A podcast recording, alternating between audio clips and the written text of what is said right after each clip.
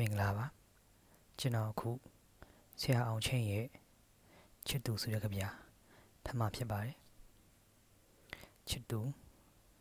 တခါအချိန်ဖြုံးခဲ့အချိန်ဖြုံးရတာတခါတလေပြောစရာအချိန်ဖြုံးရတာတခါတလေကြောက်စရာအချိန်ဖြုံးရတာတော့ဖြုံးရတာပါပဲအချိန်ဖြုံးမှုရာ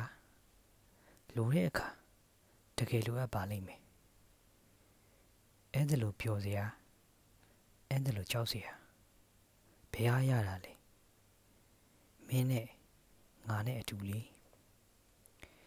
အချိန်ဖြုံးနိုင်လို့ရတာပေါ့ကွာအချိန်ဖြုံးရအောင်ကွာမင်းနဲ့ငါကုသိုလ်ရောအာကုသိုလ်ပါတူခဲ့တယ်ကျေးဇူးတင်ပါတယ်